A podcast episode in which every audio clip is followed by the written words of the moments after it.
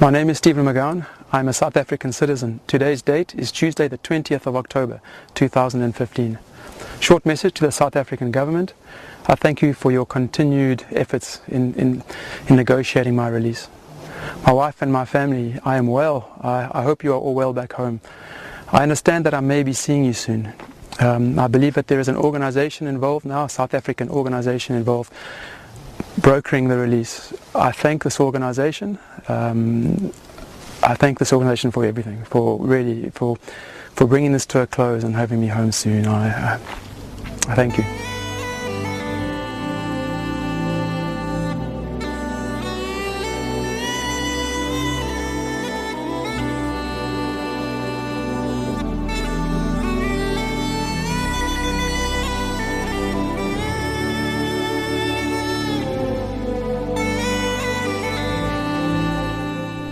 Gijslaersonderhandelinge is maar net van die take wat die organisasie Gift of the Givers aanpak om die mensdom te help. Steven McGowan is steeds 'n gevangene in Mali en word deur Al-Qaeda vanaf November 2011 aangehou. Dr Imtiaz Suliman, 'n voormalige mediese dokter in die privaat praktyk, het die organisasie begin 25 jaar gelede deur die boodskap van 'n sheik tydens 'n besoek aan Turkye te volg. Op sy besoek het dokter Sulimani besef dat sy lewe net daar onherroepelik sal verander nie en dat hy der duisende mense se lewens sal verander. It was a Thursday night, 6th of August 1992. It was a program they call a zikr. And after that program, he suddenly looks at me. It's about 10 p.m. It's silent after the prayer. And in fluent Turkish, he says, My son, I am not asking you. I'm instructing you to form an organization. The name in Arabic will be Waqful Waqifin. We translated it into Gift of the Givers. You will serve all people of all races, of all colors, of all cultures, of all classes, of any geographical location, and of any political affiliation. But you will serve them unconditionally. You will not expect anything in return, not even a thank you. In fact, in what you're going to be doing you will get a kick up your back. If you don't get a kick up your back, regard that as a bonus. This is an instruction for you for the rest of your life. Remember, in Arabic it says, Khairun nas mayanfa'un nas. Best among people are those who benefit mankind. He said, my emphasis is on the word mankind, not Muslim. It's not Muslim, not Indian, not Arab. All people, all races, all of mankind unconditionally. And then he said the final thing. He said, Remember, my son, that whatever you do is done through you and not by you. And don't ever forget this. This is an instruction again, you repeat it for the rest of your life. Now go home to your country and do what I told you to do. Dr. Suliman het 'n span van omtrent 150 permanente personeel en oor die 400 mediese vrywilligers van reg oor Suid-Afrika wat hulle tyd en vaardighede leen aan die organisasie. Een van die personeel is Emily Thomas. Thomas was die dryfveer agter die organisasie se droogtehulp skema verlede jaar. In Bramley, Johannesburg, is die organisasie se hoofstoorkamer vanwaar talle projekte bestuur word. Plus minus 200 NGOs kom na toe in die week in elke oggend. Doen hy vir ons vrugte en groente elke dag. So elke dag word dit opgetel en dan kom die NGOs en hulle kom kry groente en vrugte soort van om hulle die mense by instansies te voed. So dis maar basies wat wat hier gebeur. So elke oggend het ons die influx van mense wat inkom om goed kan te kom optel.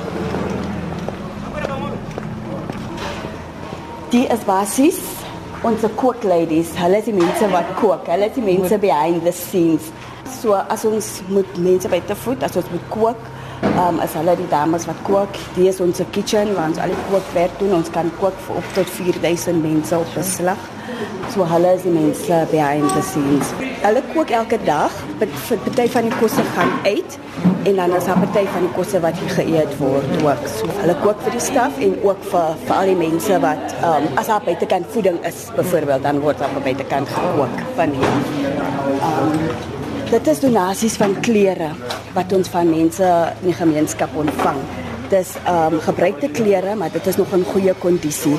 So hierdie klere word dan in pakkies opgemaak en soos ons ons distributions doen, word hierdie pakkies aan mense uitgedeel. So basies wat ons sê is eintlik 'n lucky packet. So as daar iets is in vir jou wat vir jou gaan pas, is dit jou wens. As daar nie iets is nie, sal jy dit aanpas na die volgende persoon toe.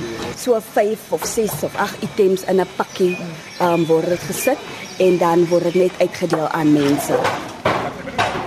Ja, nou dat was ons het gestel ons het 'n gesprek gehad van 'n mens sal nou dink okay dit is die enigste aktiwiteit wat ons hier rond doen.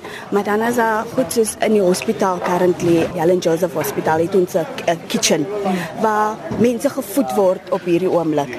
Hulle kry 3 maaltye 'n dag pasiënte.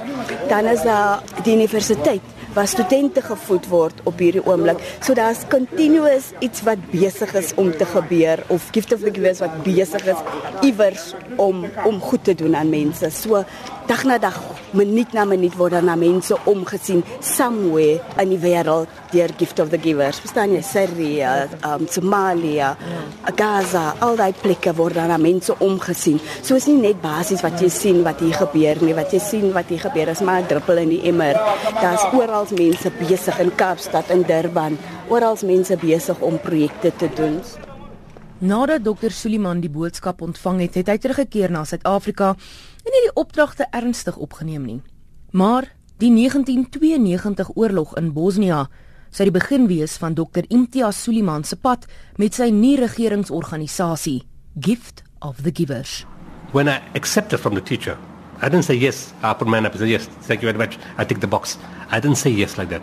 It was an internalization, a reflection, and Matt said, okay, what the spiritual teacher is saying, I'm not against the idea. I just don't know what's going to happen, but it's fine. I'll carry on my private practice and do this at the same time. But Bosnia took my life away. I was gone for three years virtually, up and down. I had to close my private practice. I lost a lot of money. You know, I had locums, I paid them, but no patients wanted to see them. They all wanted to see me. And eventually my wife said, we need to close this practice because somebody's going to die. They'll come with a sick child, they sit there in the rooms, and they don't want to see anybody else, they want to see you. And this is not going to work. So whilst I was overseas, she actually she took, she took the decision and she closed my practices. I had three. And she asked me, I said, yes, close it. So 30th June 94, we closed all three practices. And I was still traveling. But at the same time, whilst that was happening, projects were developing in South Africa also. And yes, it took a toll on the family. You know, kids never saw me. They were still very small. My kids all came very close together. I, I lost virtually all my income.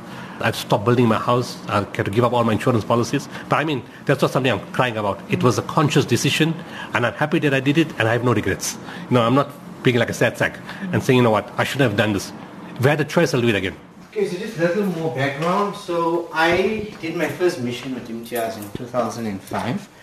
We went to the floods in Pakistan, actually the earthquake in Pakistan that happened. And uh, we took a lot of teams through. So what Gift of the Givers used to do prior to 2005 was a lot of humanitarian aid. They never really have a medical contingency or something. From 2005 Pakistan, it was the first time the foundation took like surgeons over primary health care and stuff like that just to do ops. And they took like, I wouldn't say search and rescue, about two, three of us as paramedics, you know, but really to assist in the medical. That was what we needed to do. Ahmed Bham is die leier van die soek en reddingsafdeling by Gift of the Givers en het as jong man in sy 20's by die organisasie aangesluit as vrywilliger. Nou in sy vroeë 30's het Ahmed baie ervaring in die veld en het al baie uitdagings saam met die organisasie beleef. And in 2010, the earthquake in Haiti hit. and that's where he decided to send a search and rescue team. So that was, as a gift of the givers, we decided it's our first search and rescue team we're ever going to send over. And part of that is they started creating backup team. So the second team, again, he sent a medical con- component to it. That would be surgeons and stuff like that as well for, for Haiti's thing. And a third and a fourth team also of groups of surgeons, a medical component. So after we came back from Haiti 2010, we actually sat down around a table and we decided we need to start organizing things. Because all that you see here only came up in about 2011, 2012 upwards. Before there was just a house and one container on this piece of ground, that's it. So all of this got built from 2012 upwards basically to help us in response, right? What we decided when we came back is we did the 2011 response to Somalia. We, it was famine drought we took medical teams. But the challenges we were having when we were taking the medical teams were now last minute you need to get medicines, you need to get equipment, you need to get this and that. Because Somalia you're going into a war zone, there isn't really anything there. And we realized companies can't give you stuff like now. you need to wait weeks or two, three weeks to get stuff. So we sat down, we formed a core team, we're about five to six in a core team and uh, with Imtiaz and he decided let's start buying stuff so that we can be ready to deploy basically wherever we are. So we said, okay, cool, we sorted out our medical contingency. And where we are today, it's taken a lot of missions to get us where we are. But if you look at what I'm going to show you now, we've become so specialized. I always tell the people we've become an A to Z kind of response. So when a response comes, we send a search and rescue team that go abroad all the search and rescue guys are all qualified. Most of the medical guys on it are degree paramedics and stuff like that. And then 24 hours after we go, medical team will respond with surgeons and stuff like that, and we'll just see the disaster and we send like that. What we did also is we bought all the equipment, we've kept it in the storerooms. So in our medical team before it used to be just primary healthcare, GP doctors and surgeons. Now we have dentists, trauma surgeons, nutritionists, physios, uh, care after it. So that's why I say A to Z. And also what we've done now is you'll see all of the stock that you'll see. I'll be showing you. It's close to about 22 to 23 million based on my last inventory. All of this goes with us on missions and everything get left. So basies wat hier gebeur is hier kan enige soort operasie uitgevoer word enige tyd. Van jou orthopedics tot jou pediatrics, dis verskillende medisyne, daar is kluise waar sekere van die medisyne toegemaak is. So vanaf hier kan enige iets uh, gebeur enige tyd. Dit is hoekom dit so maklik is vir ons om te respond na enige disasters van ons het elke ding op sy plek. En wat gebeur as hulle kom in van tyd tot tyd sê na 'n disaster gaan hulle inkom die dokters nou en dan gaan hulle 'n stoktyd kom vat om te sien wat het hulle gebruik, hoeveel het hulle gebruik, wat moet hulle aankoop vir. So daar word op gereelde basis stok gevat om aan te koop wat hulle gebruik het. So hierdie plek is altyd opgestok. Soos wat jy nou sien is bietjie mekaar, jy gaan sien bokse wat rond staan. Binnekort kom hulle in om hulle bokse en goede uit te pak sodat elke ding op sy plek is. So wanneer daar 'n disaster is, weet elkeen wat om te kom vat. Binne hier soos ek gesê het, daar's orthopedics, daar's pediatrics, daar's verskillende departemente hier binne in. So daar is 'n dokter wat basies die leiding vat in elkeen van hierdie te verskillende fasette van van die mediese praktyk. So uh, ja. Byvoorbeeld toe hulle gegaan het na Haiti toe en toe hulle in Haiti kom, kyk hospitale het plat geval, geboue het plat geval. Daar was niks wat hulle kon doen nie. Maar mense het operasies dringend nodig gehad, like amputations het mense nodig gehad. En al wat hulle moes doen is hulle skerms soos die gebruik toegemaak en operasies uitvoer basies op die sidewalk, um dis wat hulle gedoen het. Hulle moes net improvise waar hulle is. En dit is hoekom ons altyd sê as jy na 'n disaster toe gaan, moet jy met 'n baie oop mind gaan, want jy weet nooit wat jy daar gaan kry en hoe jy moet operate as jy daar kom nie. Maar slegs wanneer jy daar is, sal jy sien o, dit is hoe ons dit gaan doen, dit is hoe dit gaan werk. Um soort van Een laatmiddag het ek vir dokter Suliman ontmoet by die pakhuis in Bramley, Johannesburg. By hom was 4 selfone. Voor ons begin gesels het, het hy eers op elke foon gekyk en boodskappe geantwoord. Na 'n paar minute het hy kom sit, sy tee is voor hom neergesit en my eerste vraag aan hom was: "Hoekom het jy 4 selfone?" Toe antwoord hy: "Eintlik het ek 6." Uh, all the phones are for different functions. And it started off because initially when we started disaster response and you had one phone calling out and so many people were calling you in, You couldn't listen to the voicemails, you couldn't take the calls, and you couldn't make calls out as a matter of urgency. So you got stuck trying to call key people at the disaster time. And so I decided to make different phones, one for incoming, one for outgoing, one for calling the key members of my team and my project managers. You know, then something for WhatsApp, a different type of phone, because otherwise everybody jams your phones up again. And more than that, the battery dies.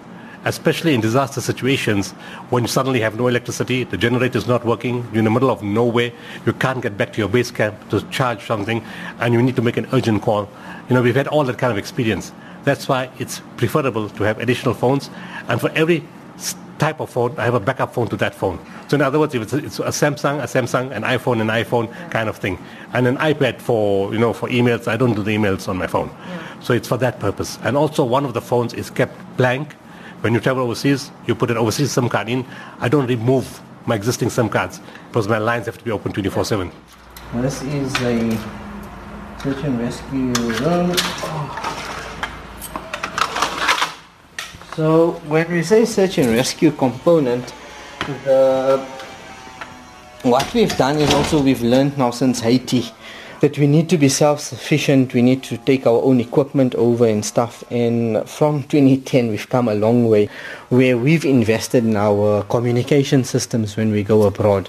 So when we go abroad, we have a whole system where we have base stations with the repeaters and stuff. So say our medical teams are going to hospitals and our search and rescue teams are out in a field. We set up a base station at our camp. We monitor where our teams are if they need assistance. We know exactly where the guys are, what do they need and stuff. And uh, when we travel, we've got our invested in our satellite phones, in our beacons and stuff, so that we have comms with the outside world because that's the most important thing in case something goes wrong. So what we did is we bought our own equipment. And even with the equipment, if you'll start seeing and having a look, it's all the best of the best because you need to protect uh, the rescuers out there and you need the right equipment to do the right job. That's why I say you're so self-sufficient when you're out there, you need the right stuff. So this is what we call the GSS Life Locator, which is a quite a nifty piece of uh, equipment that's out in the market at the moment. Uh, I think we only two people in Africa that possess this piece of device. But what happens with this piece of device is the life locator. So when you're using the search camera, you need the dogs to search or locate the patient, or you need a voice search, as they call it, or f- physical uh, search, visible search. What the life locator does is it works with waves that picks up air movements. So, for example, if you buried 15 meters beneath rubble, you put the life locator, it works on a 15 meter square area, and you only need to be breathing and it would pick you up. So that's the technology that it has at the moment. So it just picks you up if you're breathing, and it has like an iPad kind setup where it will grid you to where you are and it will allow the search teams to, to assist.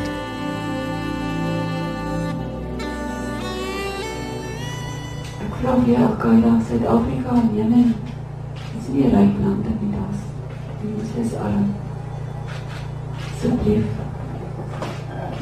is te laat.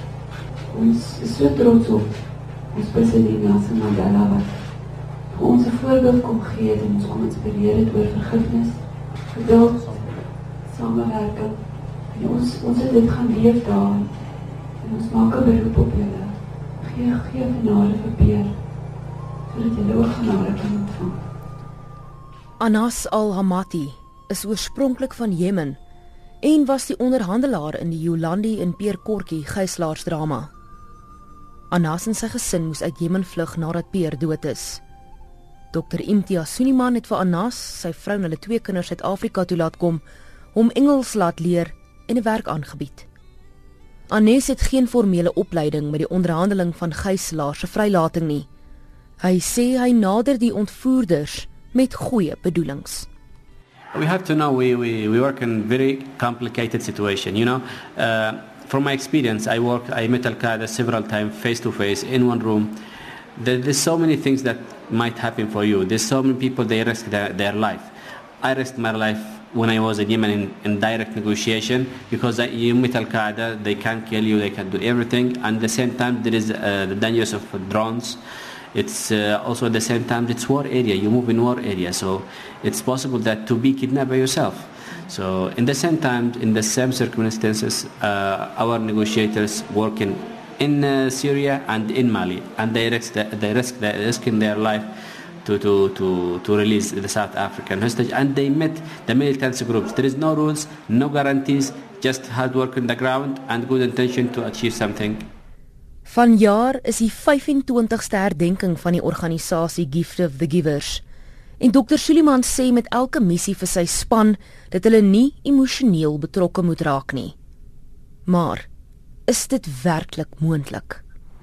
Today again my wife told me when we talk about things we not talk about you because you are not from this planet.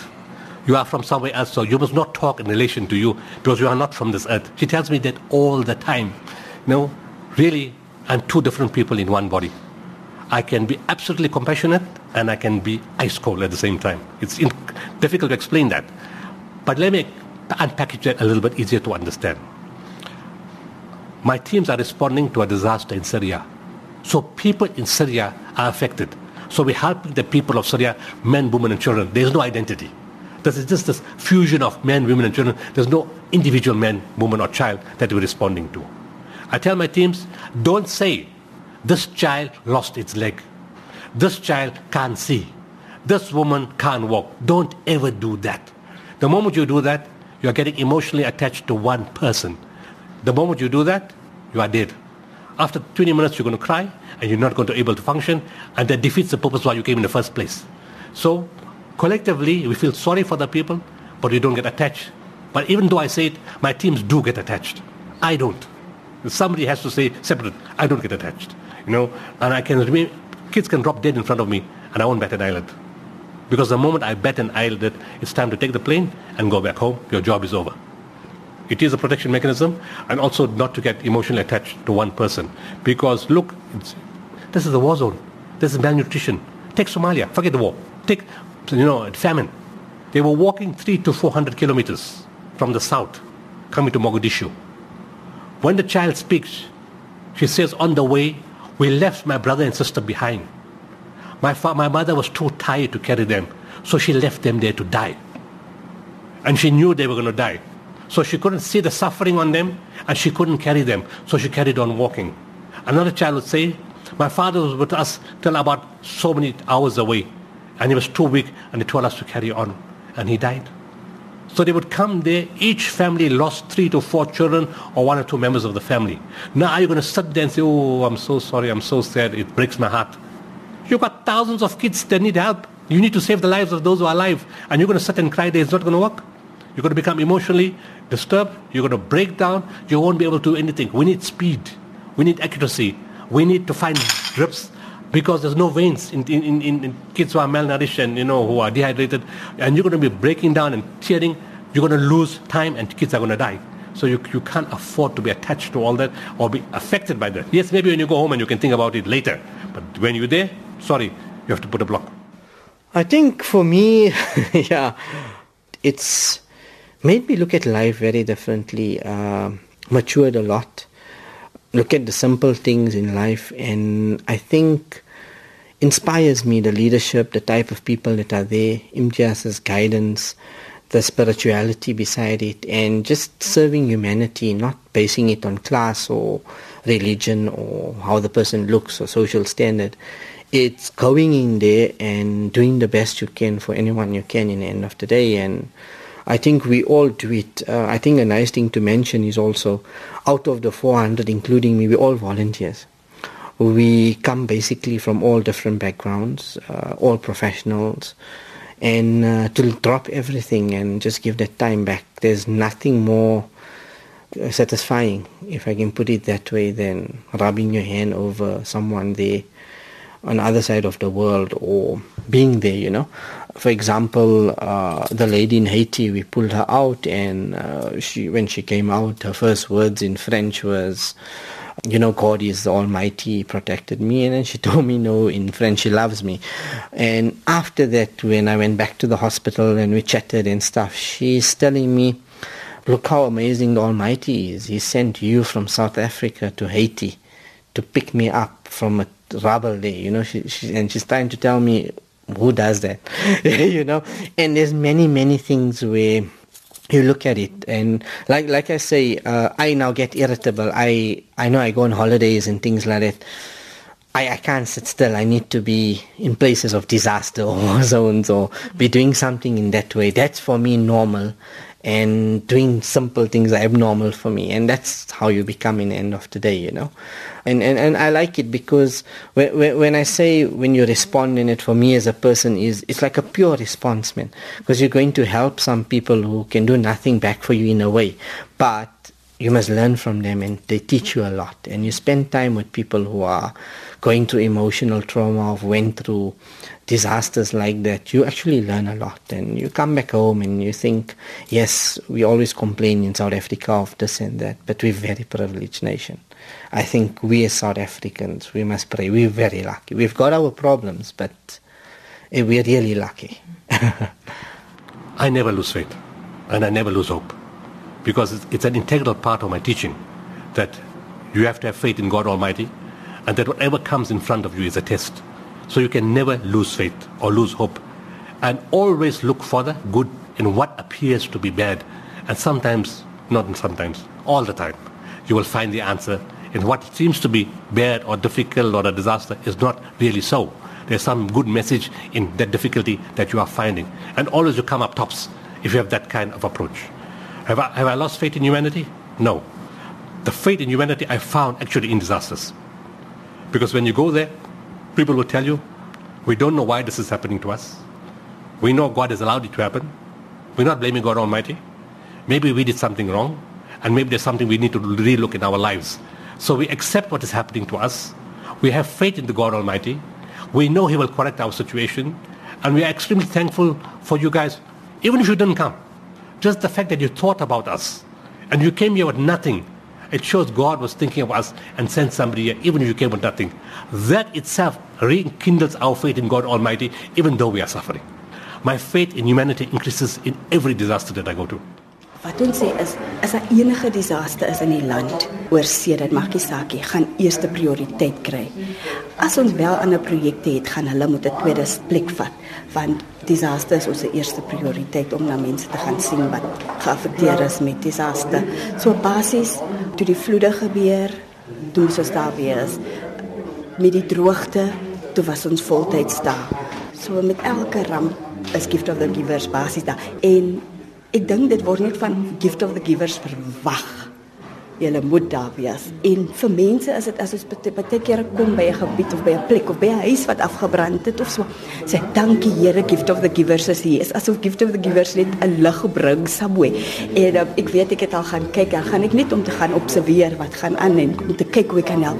Maar net die feit dat ons daar is sonder dat ons niks bring nie, gee vir mense soveel van hoop as ons daar kom en dit is vir my die die lekkerste gevoel van deel wees van gift of givers wanneer mense hoop as jy daar kom en mense sien nuwe hoop in jou.